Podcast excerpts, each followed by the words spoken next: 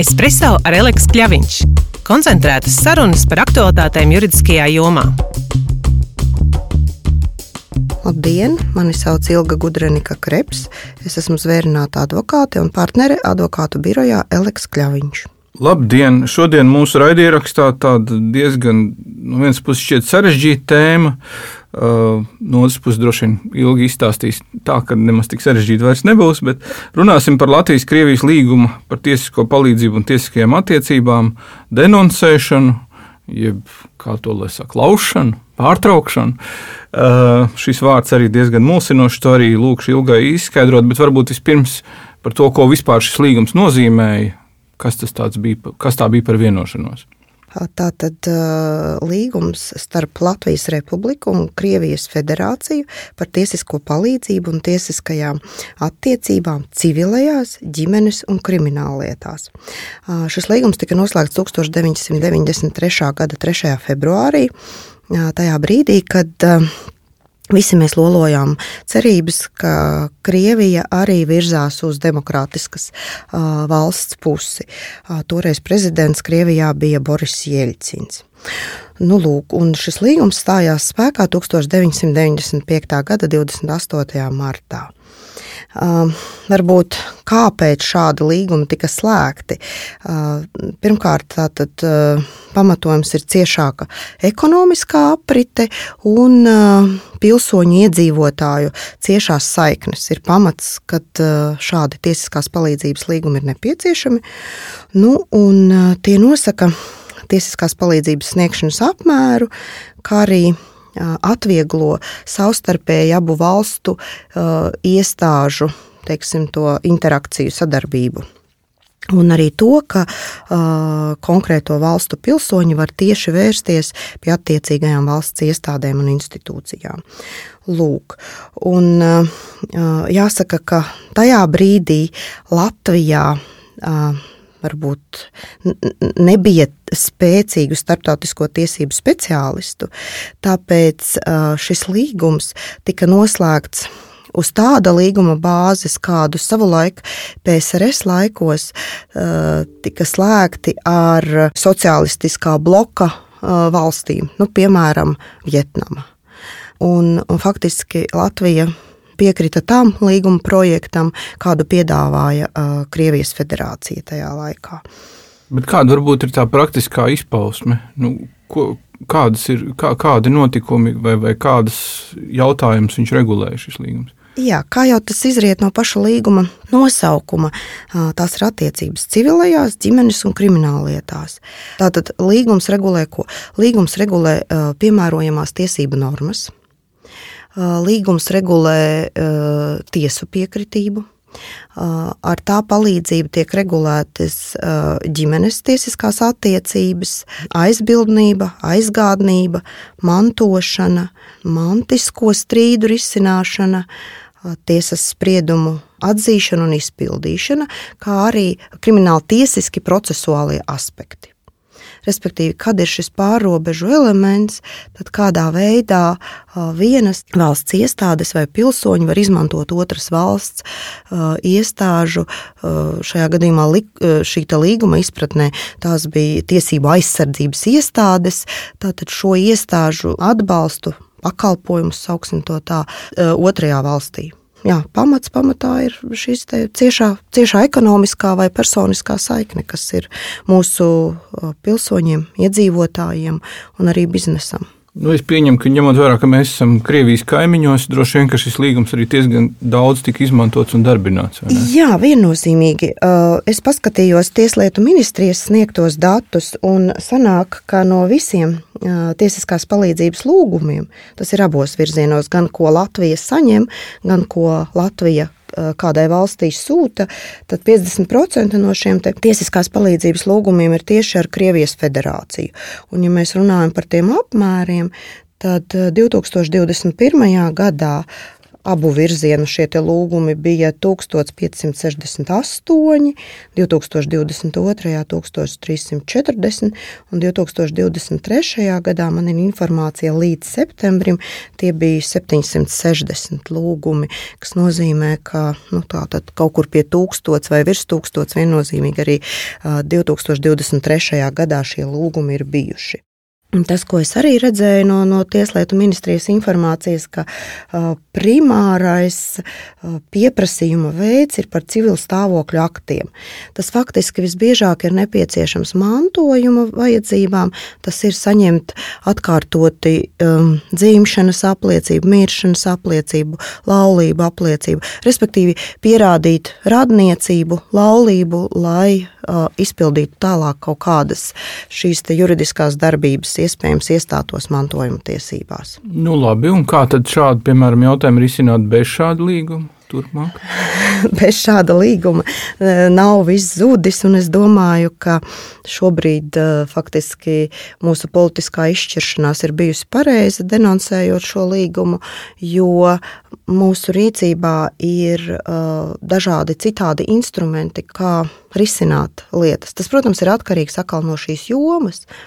Un par mantojuma tiesībām noteikti uh, mūsu notāri varētu izteikties uh, skaidrāk un, un, un, un konkrētāk, bet uh, principā notariāts uzskata, ka viņi piemēros Eiropas regulu par šīm pārobežu mantojuma tiesībām, kas e, šajā situācijā varbūt nu, mazliet liekas īpatnēji, ņemot vērā, ka Krievija, protams, nav uh, Eiropas Savienības dalība valsts, bet jebkurā gadījumā uz kaut ko ir jābalstās, uz kaut ko ir jāatcerās. Bet visdrīzāk tad, uh, tā lielākā problēma varētu būt, ka mantojuma tiesībās tā mūsu nacionālā vai mums, uz mums attiecināmās starptautiskās tiesības referētu uz Krievijas likumu. Un tā, tāds būtu jāpiemēro, ja savukārt Krievijas likumā nebūtu atgriezeniskās kā, references vai atsauces uz, uz mūsu nacionālo likumu. Tad tas, protams, varētu būt sarežģītāk. Nu, un, un tas, ko saka mm, gan Tieslietu ministrija, gan ārlietu ministrija, gan arī teiksim, divas galvenās iestādes, kas ir šie, šajā tiesiskās palīdzības līgumā, kā, kā kā izpildītāja iestādes, proti ģenerāla prokuratūra un, un, un Tieslietu ministrija, ko saka, ka process iespējams būs garāks, sarežģītāks. Varbūt tā arī ir jāatzīst, tā būs, bet visādā ziņā mums ir kā jau minēju, daudz dažādu citu rīki. Tās ir konvencijas, kurām ir pievienojusies gan Latvija, gan Krievija.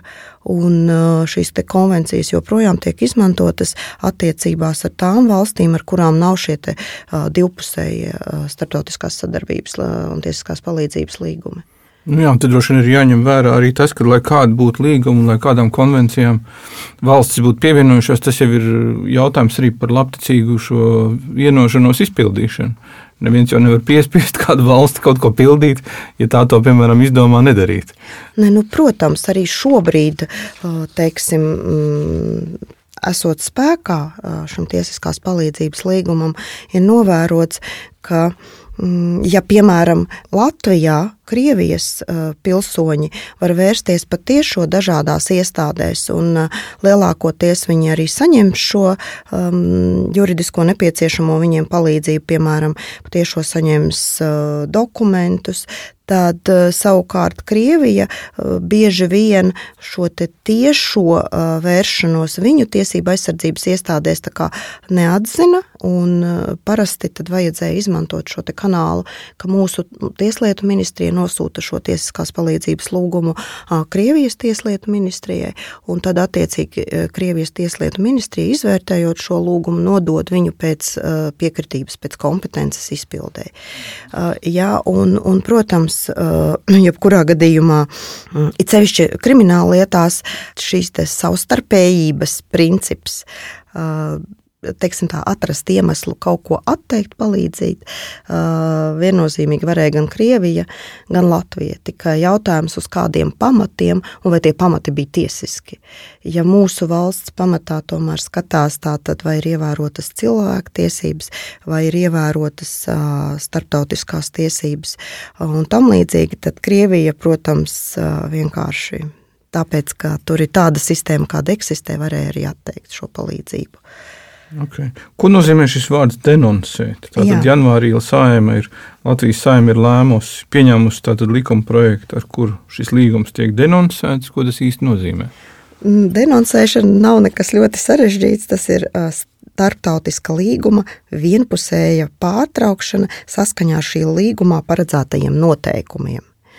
Tas nozīmē, ka mēs skatāmies, vai konkrētajā līgumā ir paredzēti kādi noteikumi, kā var puse atkāpties no šī līguma, proti, izbeigt tā saistošo spēku attiecībā uz sevi. Konkrēti šajā tiesiskās palīdzības līgumā starp Latviju un Krieviju.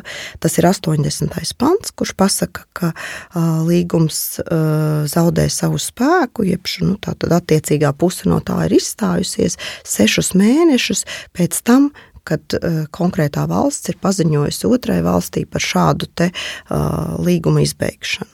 Tātad faktiski vēl līdz jūnijam viņš tā kā darbojās šis līgums. Nu, šobrīd tā tad um, saskaņā ar Latvijas likumu par starptautiskajiem līgumiem ir paredzēts, ka tātad lēmumu par denoncēšanu pieņem tādā pašā kārtībā vai tā pati institūcija, kas to ir apstiprinājusi. Tāpēc lēmumu pieņēma saima par līguma denoncēšanu, kas nozīmē, ka viņš ir pieņemts kā likums, un tātad tam ir jāstājas spēkā tādā pašā kārtībā kā likumam.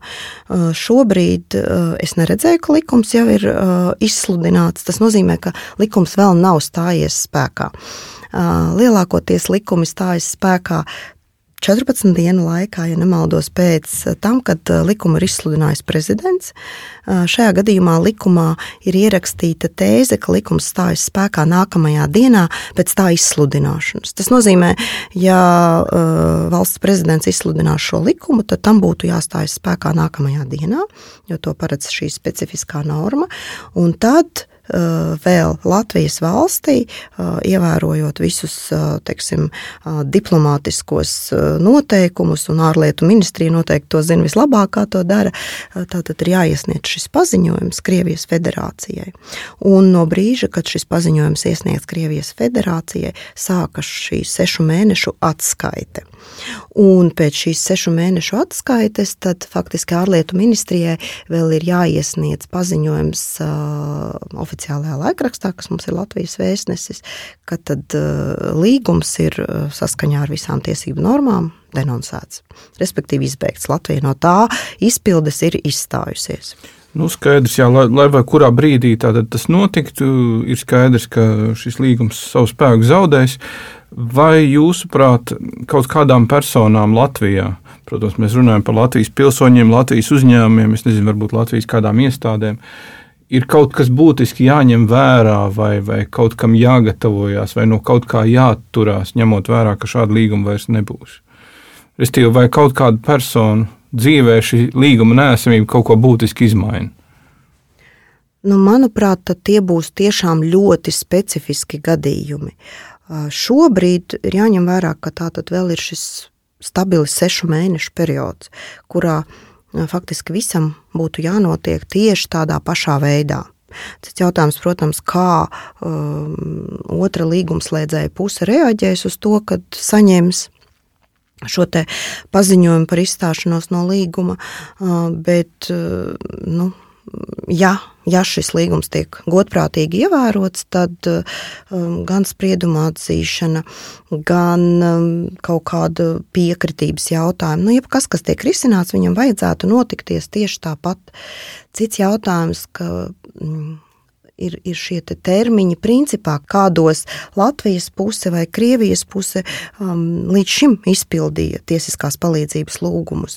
Jo atkal to var paskatīties uh, Tieslietu ministrijas statistikā, bet uh, ja mūsu puse spēja izpildīt kaut kādus tiesiskās palīdzības tur, uh, lūgumus četru līdz sešu mēnešu laikā, tad uh, Krievijai tas bija uh, garāks termiņš, vismaz astoņi mēneši.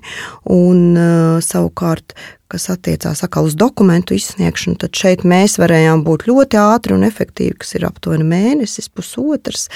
Tad savukārt Krievijā tie varēja būt visi 12 mēneši.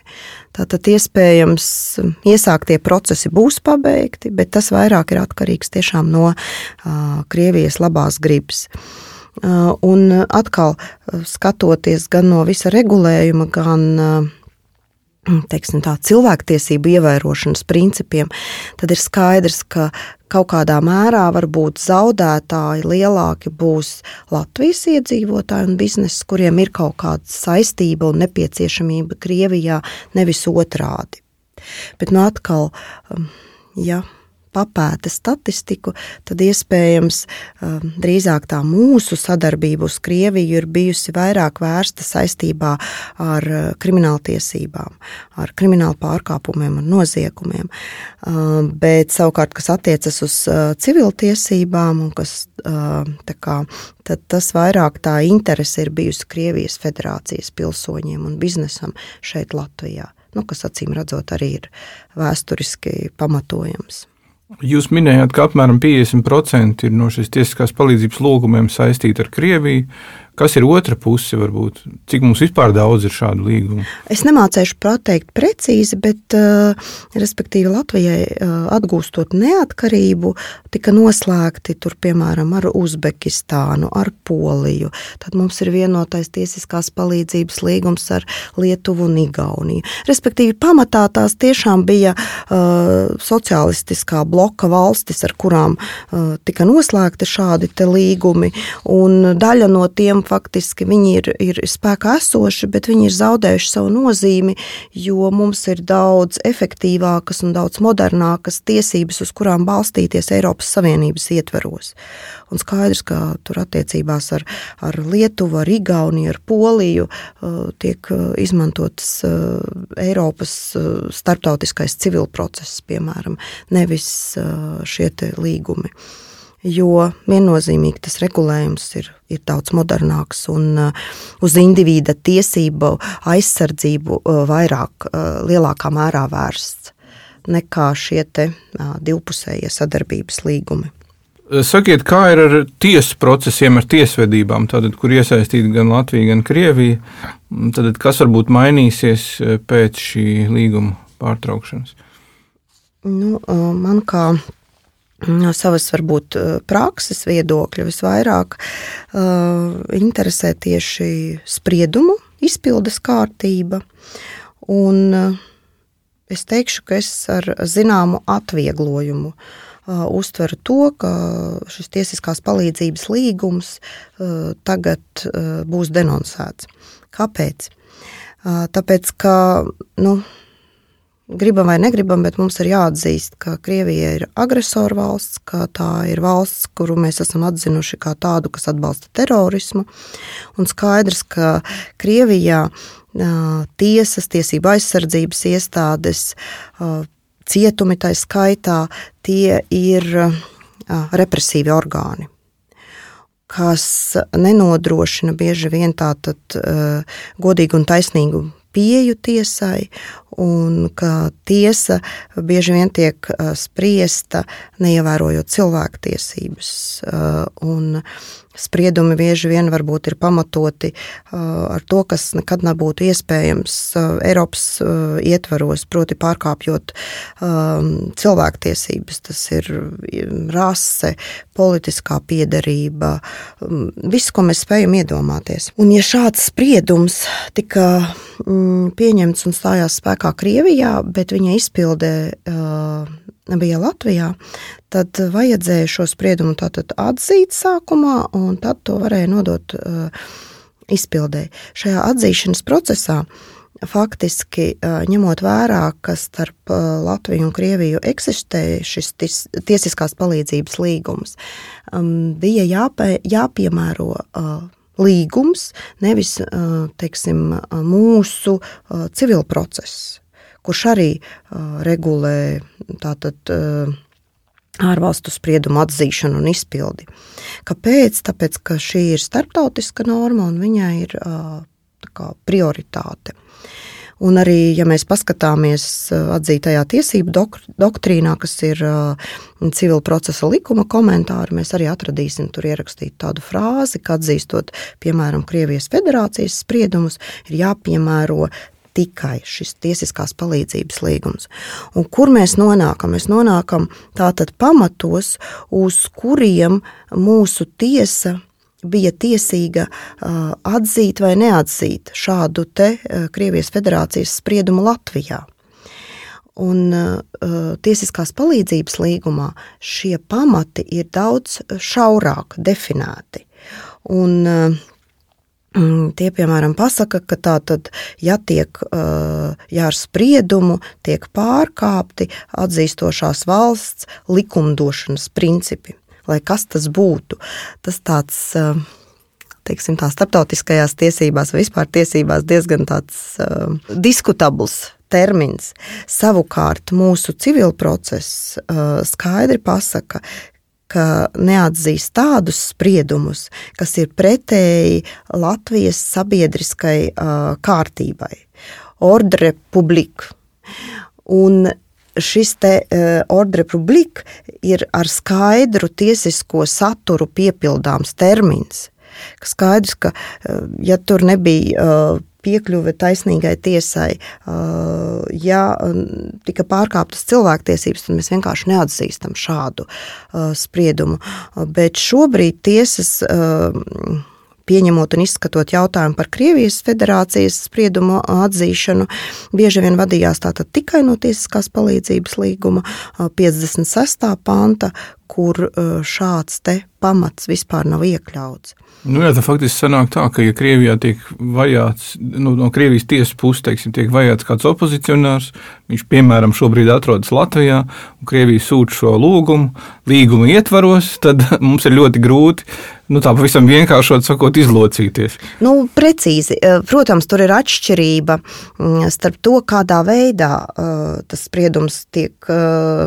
Sprieduma atzīšanas procedūra tiek iedarbināta Latvijā, jo tas var notikt uh, divējādos veidos. Viens ir, ka spēkā stājies spriedums uh, otrajā valstī tiek iesniegts Latvijā patiešo tiesā, un mūsu tiesas tādus pieņem un skata. Uh, un otrs variants ir tātad uh, tomēr caur tiesiskās palīdzības lūgumu, kas iet no vienas tieslietu ministrijas uz otru tieslietu ministriju. Un šajā gadījumā mūsu tieslietu ministrija jau ir tas pirmais kā, cens, kas skatīja, vai tas ir tāds tiesiskās palīdzības lūgums, kurš būtu izpildāms. Bet, jebkurā gadījumā, protams, tas ir neiedziļinoties uh, detaļās tādās, kas, kas tur varbūt būtu skatāmas jau tieši tiesas procesa ietveros. Līdz ar to, ja Tieslietu ministrija uzskatīja, ka šis lūgums ir izpildāms, tā nodeva tālāk pēc piekritības mūsu tiesai, un atkal šī vērtēšana ir, ir mūsu tiesas jautājums. Un, un gan mums ir bijuši teiksim, interesanti visādi kāzus, gan es teiksim, redzu no, no kolēģu pieredzes, ka šī te, teiksim, opozīcija pret šādu spriedumu ir bijusi diezgan sarežģīta mūsu tiesās. Visbiežāk ir, ne, ir bijusi nepieciešama pārsūdzēšana gan apgabala tiesā, gan senātā, lai beidzot varbūt tiešām panāktu šo vispusējo izvērtēšanu vai, šās, vai šādu spriedumu, kas nāk no Krievijas federācijas, mēs varam atzīt, un vai viņš neatz, ne, teiksim, neapdraud kaut kādā veidā uh, mūsu pastāvošo sabiedrisko iekārtu šeit. Mm -hmm.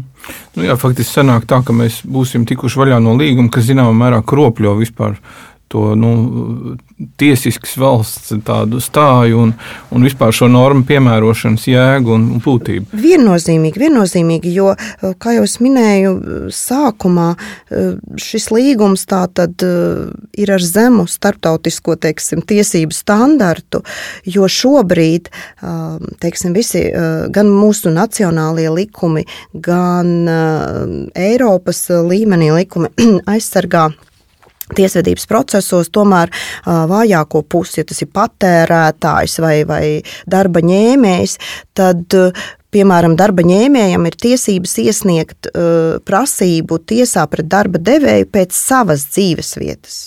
Savukārt šis tiesiskās palīdzības līgums noteica, ka iesniedz pēc atbildētāja atrašanās vietas. Tātad, ja darba ņēmējs ir Latvijā, bet darba devējs ir Krievijā, šim uh, darba ņēmējam bija jāsniedz prasība uh, Krievijā. Nu, protams, arī otrādi. Tātad uh, šis ir krietni vien apgrūtinošāk. Un starptautiskās uh, privātās tiesības ir ļoti attīstījušās uh, šajā laikā, kopš mēs esam arī iestājušies uh, Eiropas Savienībā. Un, uh, protams, ka līdz ar to mums tā latiņa ir, ir krietni vien augstāka nekā šajā līgumā. Tā kā jā, es, jā. Es neskatoties uz atsevišķu mūsu iestāžu viedokli, ka lai vai kā tā sadarbība bija vieglāka, raitāka ar līgumu, es domāju, ka neviens procesuālais ieguvums nav tā vērts, lai mēs ziedotu savus uh, demokrātiskas valsts principus, un gala beigās, nu, vai mēs nenonākam tādā uh, dilemmā. No vienas puses mēs pasakām, ka Krievija ir agresora valsts, ka tā ir terorismu atbalstoša valsts, un tajā pašā laikā mēs ar vieglu roku, ar teiksim, tā vieglāku pieju atzīstam viņas kaut kādus šos tiesību izveidotos dokumentus, spriedumus un tam līdzīgi. Nu, man liekas, ka tur ir gan morālā, gan tiesiskā, gan politiskā dilemma.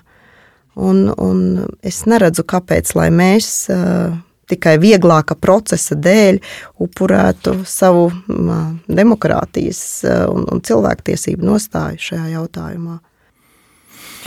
Jā, liels paldies Ilgai par izsmeļošo stāstījumu. Es uh, aicinu klausītājus uh, Facebook, Eleks Kļaviņš Facebook lapā uh, sūtīt kādus savus jautājumus vai par šo tēmu, vai varbūt ir ieteikumi kādiem citiem raidierakstiem, un tad mēs attiecīgi jau reaģēsim un gatavosimies nākamajiem. Paldies! Paldies! Uz redzēšanos! Espreso ar Eleksu Kļaviņš. Koncentrētas sarunas par aktuālitātēm juridiskajā jomā.